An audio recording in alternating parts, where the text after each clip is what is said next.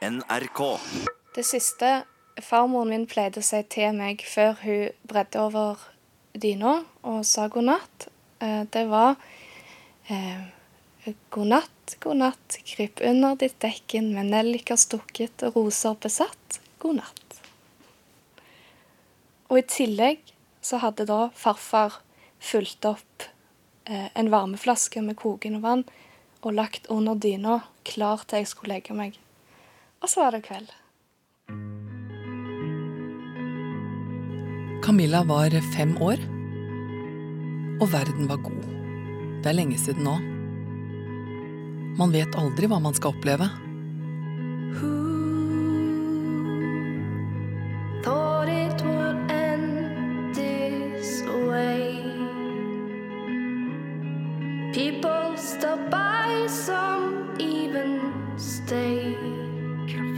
Kraft. Table with plenty of silverware.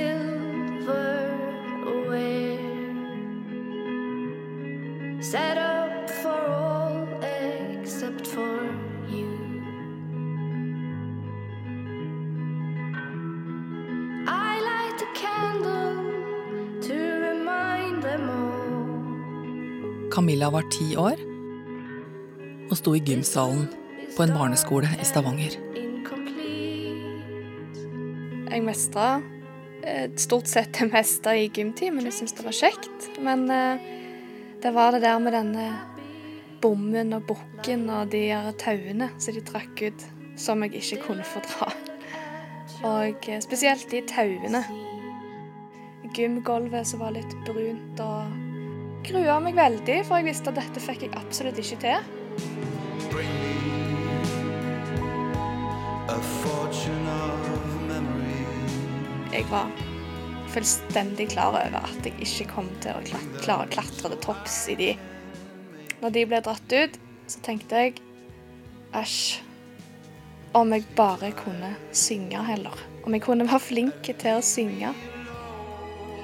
Jeg bare husker det øyeblikket. Det er sånn, jeg husker akkurat hvordan ting var.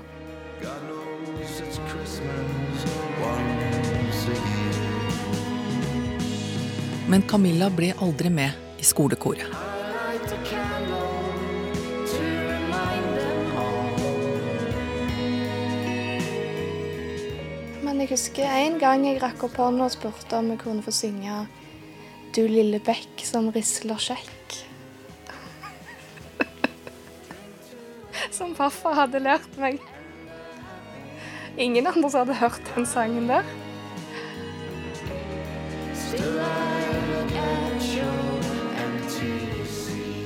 Vi skal komme tilbake til nettopp dette etter hvert. Men det er noe helt annet Camillas historie vil komme til å handle om. Du hører på Kraft, og jeg heter Kirsti Kraft. Kraft. Kraft.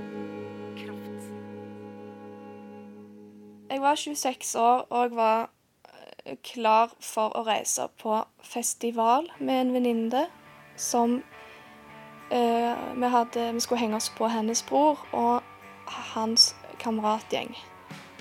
Som jeg ikke kjente, ikke hadde noe forhold til. Um, vi visste bare at vi skulle på festival, og at det var en del band der som vi hadde lyst til å se.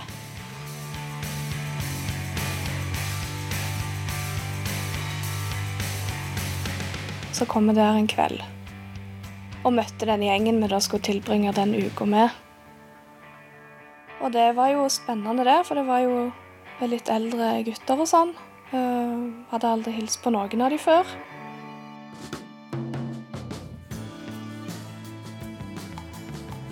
Jeg husker jeg kom inn på det hotellrommet som de var på, uh, for å hilse på, og der var det en som var litt sjenert.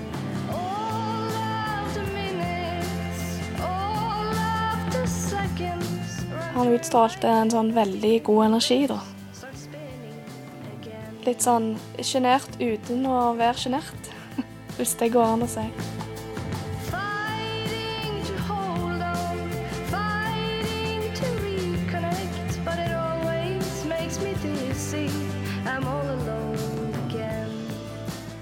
Jeg er tilbaketrukken, men fighting og fast håndtrykk og godt smil og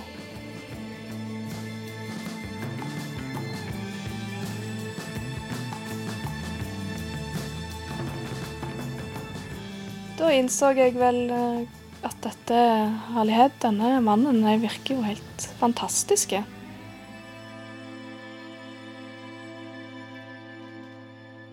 Eh, Med en gang jeg kom hjem, så var, ringte han på døra mi.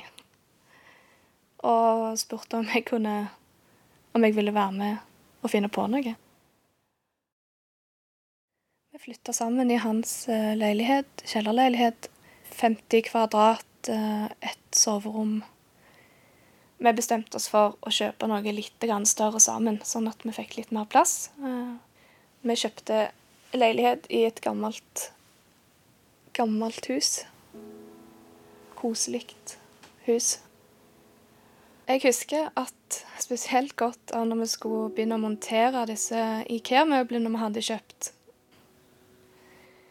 så var han eh, veldig observant og leste meg utrolig godt. Så når blodsukkeret mitt begynte å synke midt i den der eh, verste skjenken, som besto av 40 000 deler, da gikk han bare stille og rolig inn og smørte med ei skive som han bare satt foran meg, og så sa han sånn, nå spiser du den først, og så fortsetter du etterpå. Og det var sånn han var. Han gjorde ting i det stille, men han gjorde det veldig sånn rett. Han hadde noen sånn eh, retro Figgjo-tallerkener som han plent ville ha med. Og på den tida så skulle i mitt hode ting være nytt og eh, moderne. Han skulle ha med seg disse tallerkenene. Og, og det er sånn jeg ikke kunne forstå da, men som i dag jeg elsker å dekke på med. Altså sånn eh, Jeg skjønner jo hans nostalgiske nostalgiske følelser for de tingene der nå, men det skjønte jeg ikke da.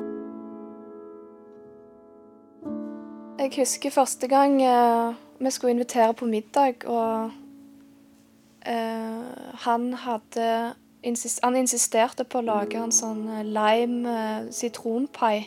Det har aldri lagd før. Han var så nøye med alt han gjorde. Han fulgte oppskrift, liksom. Og det var veldig forskjell på meg og han, fordi jeg er sånn at jeg bare hiver oppi noe. Og hvis jeg ikke har 100 gram, så tar jeg 50. Og så blir det jo mislykka. Mens han var veldig opptatt av å måle opp. Veldig opptatt av at alt skulle være koselig, og at folk skulle føle seg hjemme hos oss. Jeg tror det var godt å komme hjem til oss. Det var levende lys og hjerterom og gode samtaler. og.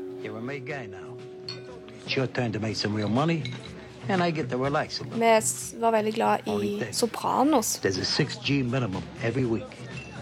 I gotta get something out of this. But. Husker jeg at han hadde alle de seks sesongene på DVD. It's four thousand dollars there, Paulie. I'll have the other two in a couple of days. I thought I made myself clear. Fucking college ball. Og så en sommerdag så hadde de bestemt seg for å reise til en turistforeningshytte og overnatte der. Så merka jeg at han hadde en veldig tung sekk.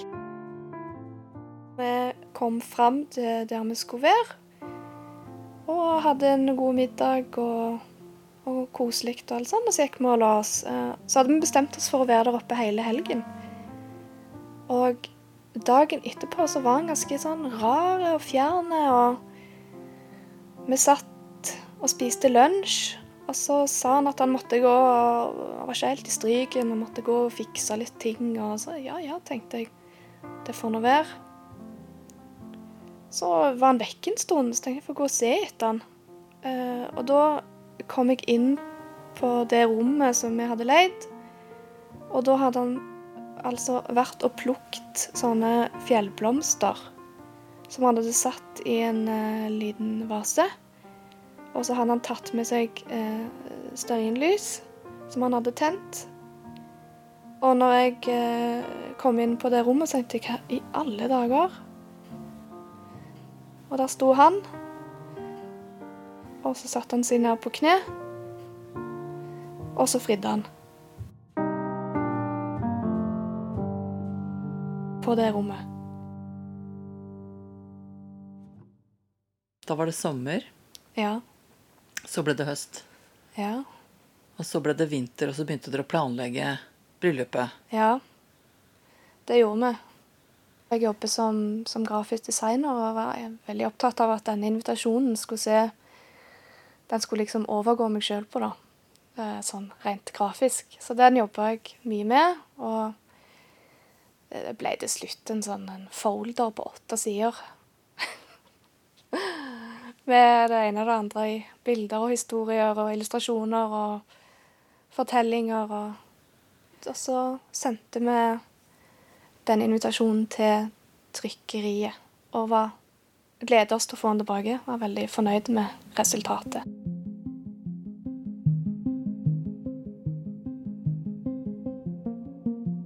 Det var en eh, kveld i mars. Det var en mandag, og jeg venta han hjem eh, fra jobb klokka ni. Han hadde en 100% stilling som varte til klokka fire, og på mandagene så jobbet han som lærer i tillegg. Eh, Jeg satt oppe og gleda meg til han skulle komme hjem, men eh, klokka gikk, og det ble halv ti og kvart på ti, og da begynte jeg å bli eh, litt engstelig, for jeg hadde ikke hørt fra han på mange timer. Og det var veldig uh, ulikt han å ikke gi beskjed hvor han var, eller hvor han gikk, eller om han hadde møter eller planer. Så han var veldig ordentlig på det, eh, og veldig informerende i forhold til sånne ting. Eh, Jeg prøvde å ringe han, men mobilen var slått av. Um, jeg tenkte kanskje at han var på besøk hos noen, eller at han var i et møte, eller at han eh, kanskje hadde dratt på noe der det var nødvendig å skru av telefonen. Altså, det var helt Og begynte å sende litt SMS og 'Hei, fint hvis du kan si ifra hvor du blir av', og bare vite hvor du er, og om alt er greit. Sånne omsorgsmeldinger. Og eh, klokka blir eh, ti-halv elleve, og fortsatt ingen svar. Og da ringer jeg eh, hans foreldre og lurer på om de vet noe. Og det De har ikke hørt noe. Og da begynner jeg å få en sånn en eh, ekkel følelse i magen. En sånn Eh, Jeg var alene hjemme i leiligheten vår, og jeg hadde behov for å ringe mine foreldre og hans nærmeste venner, fordi dette var helt ulikt han. Og ikke gi litt fra seg. Så jeg tenkte kanskje han var med noen i familien, eller, eller med en kompis. Eh, Men ingen hadde hørt fra han den dagen. Jeg ringte mine foreldre for å dra sammen og leita faktisk, etter han. Og da kjørte vi sammen, både min mor og min stefar og, og meg, på de stedene vi tenkte han kunne være. På arbeidsplassene hans og ja, steder vi tenkte han kunne oppholde seg. Vi var nede på politistasjonen for å høre om det var skjedd ulykker. Om var, han var innblanda i noe kriminelt. Altså, det var, det var jo Vi var jo innom absolutt alle tanker. Min mor hadde utrolig mange forslag. Kanskje han var på kino, kanskje han var på teater. Altså forslag som i grunnen er helt vanlige å nevne, men så i dette tilfellet bare ble helt sånn absurd. Men hvorfor skulle han gå på kino? Så lenge, alene?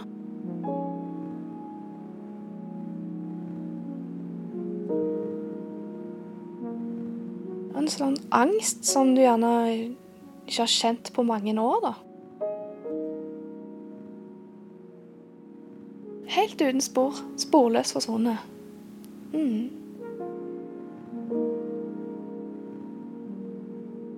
vi hadde samtidig kontakt med hans foreldre, for de begynte òg å bli bekymra i og med at de ikke hadde hørt noen ting fra han. Og de hørte nok på meg òg at jeg var ganske bekymra. Vi delte opp liksom denne leteaksjonen, og uh,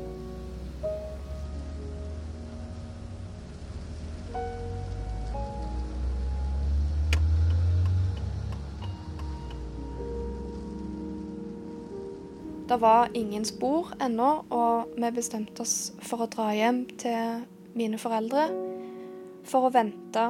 Og foreldrene hans fortsatte å, å kjøre rundt.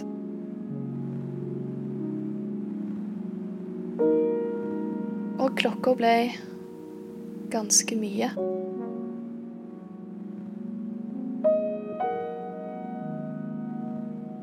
Jeg så at hans mor kom kjørende opp i oppkjørselen vår. Og jeg hørte bilen, og jeg skvatt opp og sprang ned i, i gangen og ut på eh, Ut for asfalten ut forbi huset. Og, og jeg ser at noe ikke stemmer. Og hun sier at han er død. Han har tatt sitt eget liv. Vi har funnet han.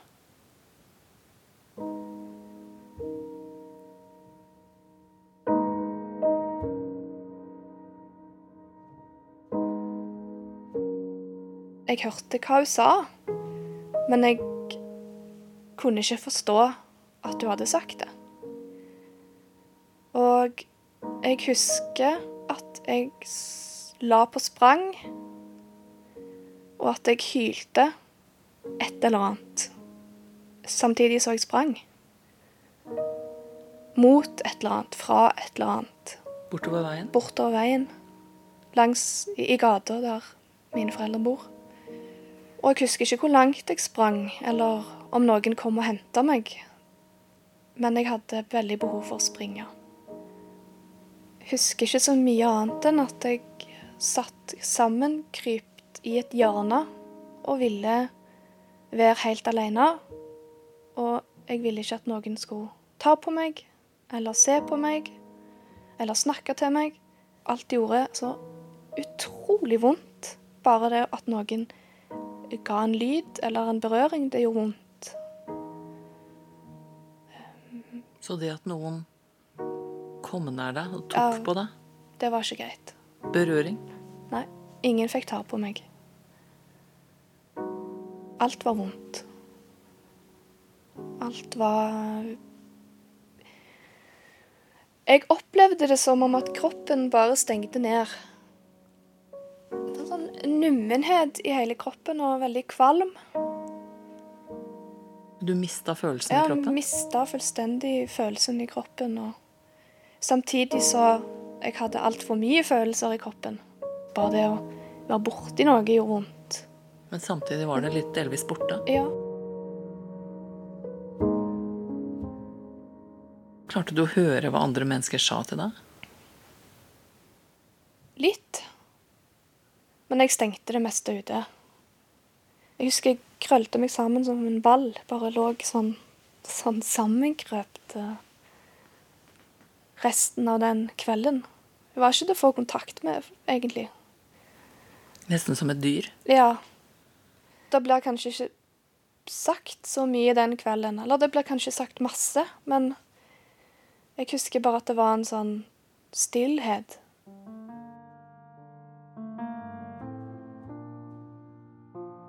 Jeg har en stefar som har vært i livet mitt siden jeg var tolv, og han er en sånn eh, omsorgsperson. En sånn som ordner opp. Du vet, Når det kommer ulykker, så er det noen som går helt i, i kaos, og så er det noen som beholder ro og orden. Og han er en sånn fyr. Og det, jeg husker godt at han, han sa lite, men han handla. Han tente lys, han kom med teppe, han ringte de telefonene. Han, det var han som satt på kaffe og te og Klandra meg sjøl umiddelbart, for jeg tenkte når du er så glad i et menneske og bor med et menneske, og ikke har fått med deg dette her, da er det jo min feil. Da er det jo jeg som har gjort noe galt. Det er jo mitt ansvar, dette her. Så jeg kjente bare på en forferdelig følelse av skyld og skam og angst og sorg og kjærlighetssorg og Jeg hadde ikke kontroll på noen ting. Jeg visste ingenting annet enn at han var øh, vekke, da. Og ikke var der lenger. Og ikke mulighet til å få kontakt med han lenger. Dette var ikke noe du hadde hørt han snakke om før. Nei. Jeg hadde aldri hørt han snakke om noe sånt som dette. Ikke gitt noen indikasjoner på at han var deprimert eller hadde det vondt eller Nei, altså, dette var Det er så langt ifra virkeligheten for meg, da. At han gjorde noe sånn som dette. Men har du noe skyld? Nei. Det har jo ingen når noen eh, tar sitt eget liv.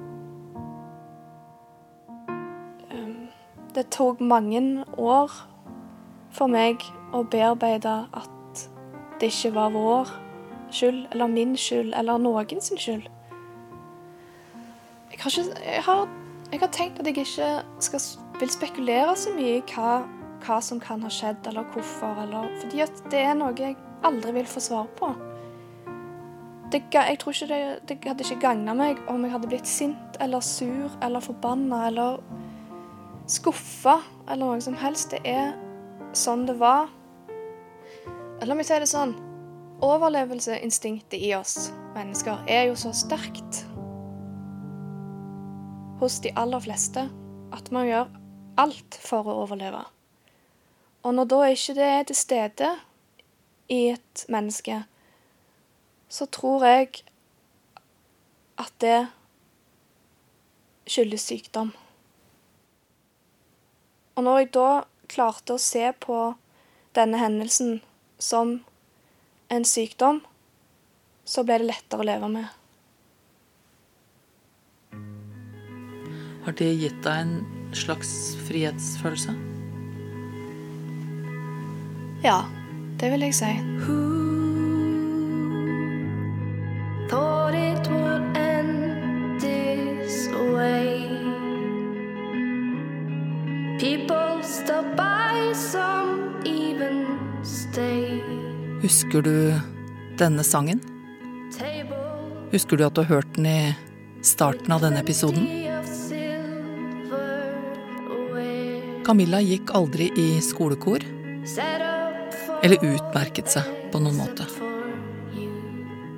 Men etter at hun mistet den mannen som hun kom til å elske, så følte hun et indre trykk til å skrive tekster. Og etter hvert satt hun små melodier til tekstene. Så fant hun fram en gammel gitar som hun hadde fått da hun var 16 år,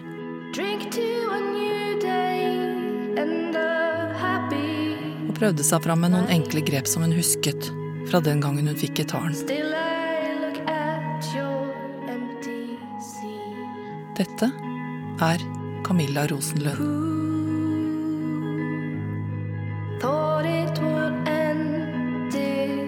way. Det har skjedd mye de årene som har gått etterpå. I dag kan du søke etter navnet hennes på Spotify. Der ligger det mange sanger,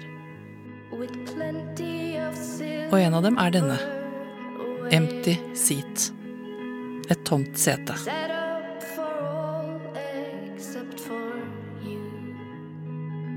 Hvis du er en som strever, så vil jeg minne deg på at det sitter folk som man kan ringe til hele døgnet på Kirkens SOS og Mental Helses hjelpetelefon. Og det er lurt å nevne for folk rundt deg også. Man vet aldri om noen kan komme til å møte en bakke som blir for bratt. Jeg heter Kirsti Kraft. Konsulent er Hege Dahl. Og adressen til Kraftredaksjonen er Kraft, Krøllalfa nrk.no. Kraft. Kraft.